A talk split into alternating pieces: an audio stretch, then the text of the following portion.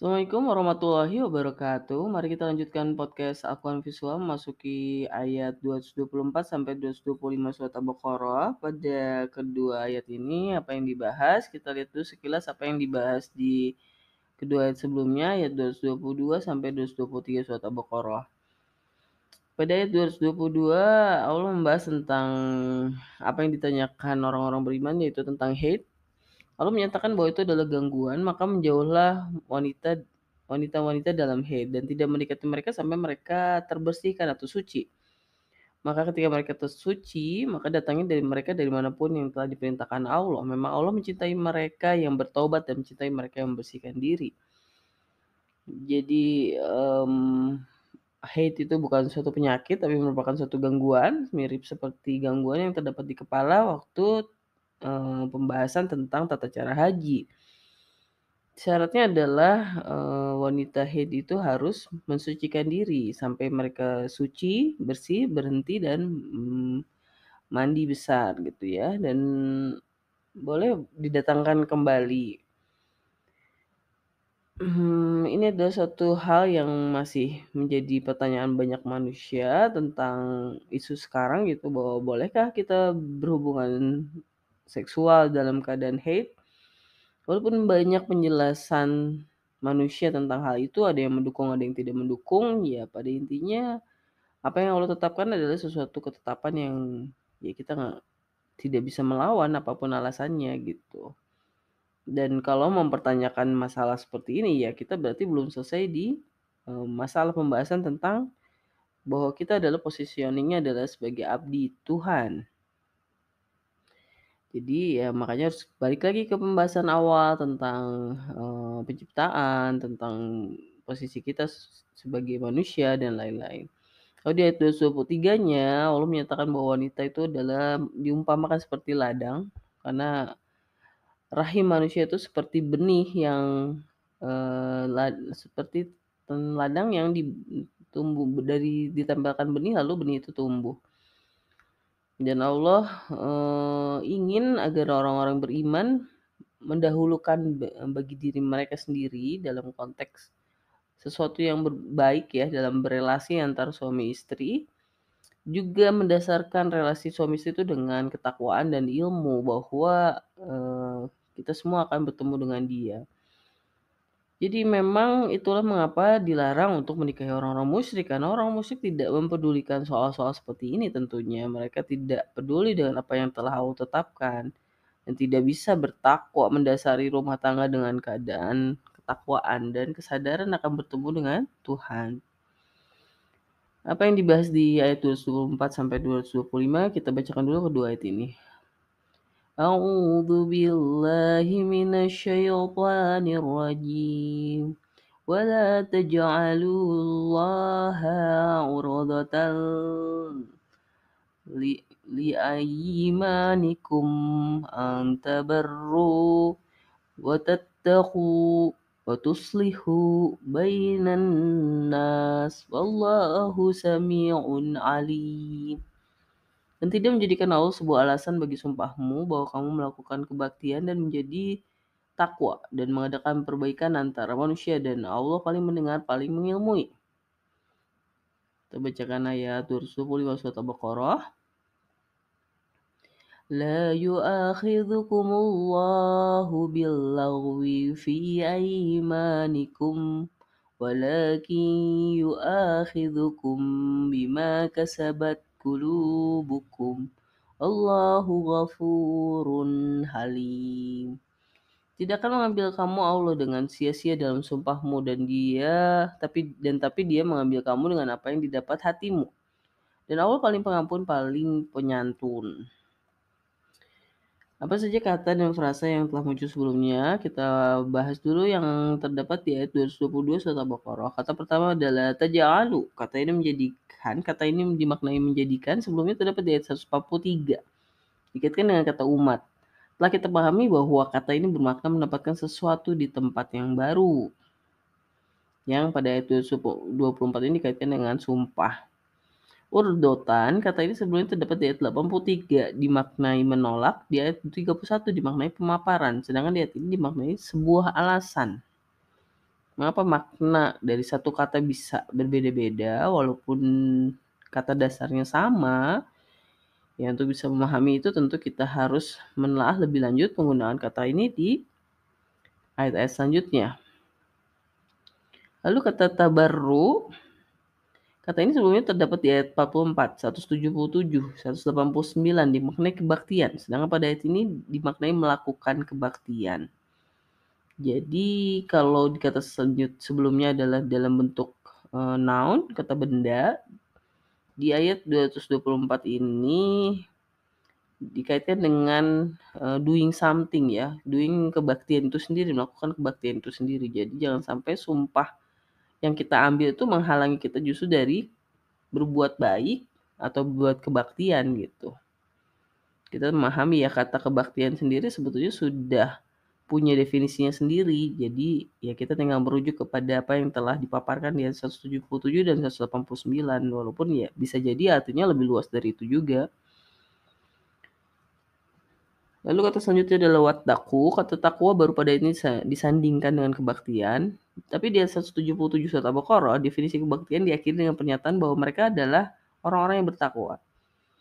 Dan pada ayat 189, ketakwaan melengkapi kebaktian. Jadi apa perbedaan kedua kata ini gitu? Apakah takwa ini menjadi dasar melakukannya kebaktian gitu? Kalau misalnya orang tidak bertakwa maka tidak akan melakukan kebaktian. Uh, atau seperti apa gitu. Tapi ya kita sendiri sebetulnya asing ya dengan kata kebaktian baru setelah kita belajar Al-Quran kita baru sadar bahwa ada yang didefinisikan kebaktian gitu dalam Islam. Nah itu erat kaitannya dengan ketakwaan. Tapi di sini walaupun erat tetap dibedakan kebaktiannya sendiri dan ketakwaannya sendiri muncul lagi. Lalu kata tuslihu, kata membuat perdamaian sebelumnya terdapat di 160 dan 182 merujuk kepada mereka yang menyembunyikan kebenaran dan berusaha akhirnya mengislahkan atau memperbaiki kondisi itu dan berkaitan dengan warisan. Pada ayat ini dikaitkan dengan manusia. Jadi ya intinya uh, islah atau perbaikan itu sesuatu yang bukan hanya berkaitan dengan diri sendiri tapi juga berkaitan dengan orang lain seperti ya tadi soal penyembunyikan kebenaran dan warisan itu sendiri ya. Ya jadi ayat 24 ini hanya menegaskan positioning kata islah itu yang memang ada kaitannya dengan kemanusiaan. Karena kata sumpah itu sebetulnya juga pasti ada hubungannya dengan manusia gitu kan. Kita kan tidak menyumpahi makhluk lain misalnya gitu. Jarang ya kan. Lalu Samiun Alim kata ini telah muncul tiga kali di ayat 127, 137, 181 surat Al-Baqarah merujuk kepada doa Ibrahim, mereka yang mengimani semisal yang telah ditetapkan Allah dan warisan. Jadi Samiun Alim ini berkaitan dengan sumpah. Allah mengetahui mendengarkan sumpah dan mengilmui sumpah. Nah, sumpah itu jadi kan kalau misalnya kita pahami ya, Allah itu sebetulnya ada hadir dalam kehidupan kita sehingga dia mendengar dan mengilmui. Ini sesuatu yang juga harus kita ingat gitu karena sumpah itu kan biasanya ya nggak selalu sumpah itu di depan orang lain ada saksinya. Nah, seperti itu ya.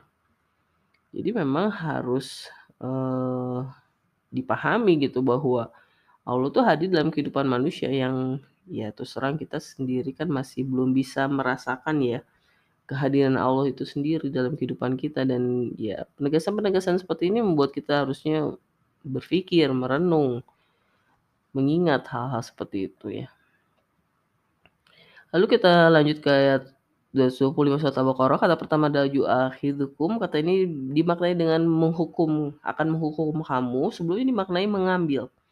Telah mengambil dengan mengambil. Lalu mengapa pada ayat ini dimaknai menghukum karena kita juga tahu bahwa ada ayat yang mengaitkan hukuman dengan kata mengambil ketika Bani Israel eh, meminta untuk melihat Allah dengan jelas tapi kita juga tahu bahwa mengambil tuh juga eh, berkaitan dengan anak sapi gitu, mengambil. Nah, apa maksudnya gitu ya? Kita juga sampai sekarang belum benar-benar paham kok digunakan kata mengambil ketika dikaitkan dengan mengambil anak sapi gitu sebagai sembahan tapi tidak dijelaskan juga sembahan ya kata itu. Nah, jadi kata mengambil ini kenapa dia itu 25 ini dimaknai menghukum dan dihubungkan dengan sumpah Ya kita harus telah lebih lanjut. Aimanikum kata ini merupakan kata kedua setelah sebelumnya muncul di ayat 224 jadi ayat ini merupakan penjelasan dari ayat 225. Lalu yu'ahidzukum kata ini merupakan kata kedua setelah muncul di ayat 224 jadi ayat ini merupakan penjelasan di ayat 225. Jadi ayat 225 ini memang penjelasan dari ayat 224 karena Allah menegaskan bahwa dia tidak akan mengambil kamu Allah yang sumpahnya dilakukan dengan kesia-siaan. Tapi dia akan mengambil kamu dengan apa yang diusahakan dalam hatimu. Sumpah itu gitu. Jadi sumpah itu ada sumpah yang ngasal, ada sumpah yang bercanda atau iseng, ada yang sumpah yang benar-benar niat gitu ya. Diusahakan dengan hatimu. Nah, kata usaha sendiri, kasabat, kata ini sejauh ini maknanya dengan sesuatu yang berkaitan dengan keuntungan ekonomi. Pada ayat ini dikaitkan dengan hati. Jadi, apakah hati itu bisa membawa keuntungan ekonomi atau maksudnya kata kasabat ini lebih luas lagi dari sekadar berkaitan dengan ekonomi atau seperti apa? Kita harus menelaah lebih lanjut. Lalu kulu bukum kata ini baru pada ayat ini dikaitkan dengan kata usaha semuanya dikaitkan dengan kondisi hati yang berbeda-beda. Jadi ya tadi ya kenapa untuk hati digunakan kata usaha. Yang kasabat yang kita tahu kata kasabat ini sebelumnya dikaitkan dengan hal-hal yang berhubungan usaha yang berhubungan dengan ekonomi bahkan diartikan dalam bahasa Inggrisnya itu earn. Earn itu kan biasanya berkaitan dengan uang. Lalu kata frasa selanjutnya ada wallahu ghafurun. Frasa ini baru pada ayat ini dikaitkan dengan kata paling lemah lembut atau halim. Sebelumnya dikaitkan dengan paling penyayang yang merujuk kepada syariat Allah. Jadi apakah karena berhubungan dengan hati maka Allah tidak mengaitkan dengan kata paling penyayang itu malah dikaitkan dengan kata halim. Karena kesannya kan walaupun penyayang itu tidak berarti selalu lemah lembut ya. Kalau kita misalnya mengatakan pada anak kita ya kita marah-marah karena kita sayang gitu kan. Tapi kata lemah lembut itu pasti tidak akan marah-marah, tapi juga pasti penuh kasih sayang gitu kan. Nah ini kaitannya dengan seperti itu, apakah dikaitkan dengan hati maka Allah menegaskannya dengan kata yang berbeda, ya kita harus menelaah lebih lanjut. Itu yang dibahas di ayat 224 dan 225 surat Al-Baqarah. Kesimpulannya adalah Kedua ayat ini saling menerangkan membahas tentang sumpah. Pada zaman dulu orang Arab senang bersumpah atas sesuatu dan Allah meluruskan sumpah mereka. Jadi ya memang kehidupan itu kan berjalan dulu baru Allah memper, mengkoreksi kehidupan yang berjalan. Ini juga sebagai suatu pernyataan bahwa memang eh, kenapa selalu ada perubahan ayat-ayat yang diperbaiki karena memang manusia itu sendiri berubah, berkembang gitu. Jadi ya seperti cara Allah meluruskan sumpah ya karena sebelumnya manusia-manusianya sudah bersumpah sebiasa bersumpah atau bagaimana cara meluruskan sumpah ini gitu ya agar tidak terjadi kesimpang siuran. Sumpah atas nama Allah harus digunakan pada hal kebaktian, takwa dan perbaikan antar manusia. Jadi sebenarnya bersumpah atau tidak tidak jadi masalah. Yang jadi pentingnya adalah apa yang kita lakukan untuk kebaktian, takwa atau perbaikan. Karena bisa aja kan kita atas nama Allah tapi malah itu sesuatu yang buruk, sesuatu yang menghindarkan kita dari hal-hal yang baik gitu karena ya bisa saja kan kita ngeles gitu. Allah menegaskan bahwa jangan sampai begitu. Bahkan nanti sampai dihukum kalau memang diusahakan benar-benar itu sumpah yang salah itu diusahakan dari hatimu gitu ya. Tapi atas nama Allah gitu. Jadi ini ya harus ditelaah lagi apa yang kita lakukan memang harus dievaluasi gitu kan. Makna kata mengambil adalah memberi hukuman seperti di ayat 55 surat Al-Baqarah ketika Allah mengambil Bani Israel halilintar karena telah meminta kepada Musa untuk memperlihatkan Allah dengan nyata. Jadi kata mengambil itu ada kaitan dengan hukuman walaupun di ayat 255 eh, ini kan tidak ada kaitannya dengan hukumannya ya. Cuma digunakan adalah bahwa Allah akan menghukum kamu. Nah, ini digunakan kata mengambil. Ya, hal seperti ini ya jelas bukan suatu hal yang mudah untuk dipahami. Jadi kita memang perlu terus belajar untuk bisa memahami kenapa Allah menggunakan kata memilih kata A, B, C dalam suatu ayat. Lalu sumpah yang Allah perhitungkan adalah sumpah yang diusahakan hati. Seperti yang tadi kita telah bahas gitu ya, kata kasabat sendiri yang biasanya digunakan untuk hal-hal yang berhubungan ekonomi, tapi intinya adalah ya kalau tidak niat itu sumpahnya itu ngasal, Allah tuh memaafkan juga gitu. Jadi Allah nggak akan mempedulikan sesuatu yang ngasal. Ini sebetulnya lucu juga ya, lucu dalam konteks bahwa sampai sedetil itu harus dijelaskan gitu. Mungkin karena kebiasaan orang-orang Arab dulu yang gampang bersumpah ya. Kalau kita kan sebetulnya udah jarang bersumpah atas sesuatu gitu, sumpah.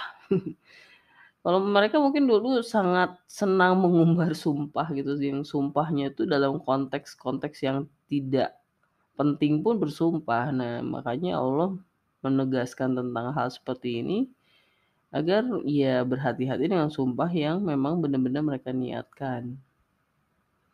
Itu yang dibahas di kedua ayat ini, ayat 224 sampai 225. Sebelum kita tutup pembahasan kedua ayat ini, kita bacakan ulang kedua ayat ini. A'udzu billahi minasyaitonir rajim.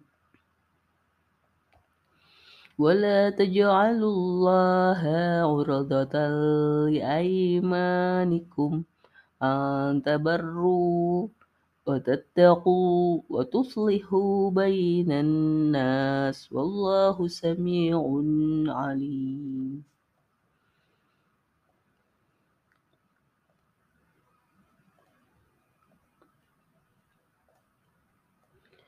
لا يؤاخذكم الله باللغو في أيمانكم ولكن يؤاخذكم بما كسبت قلوبكم والله عز غفور حليم صدق الله العظيم Assalamualaikum warahmatullahi wabarakatuh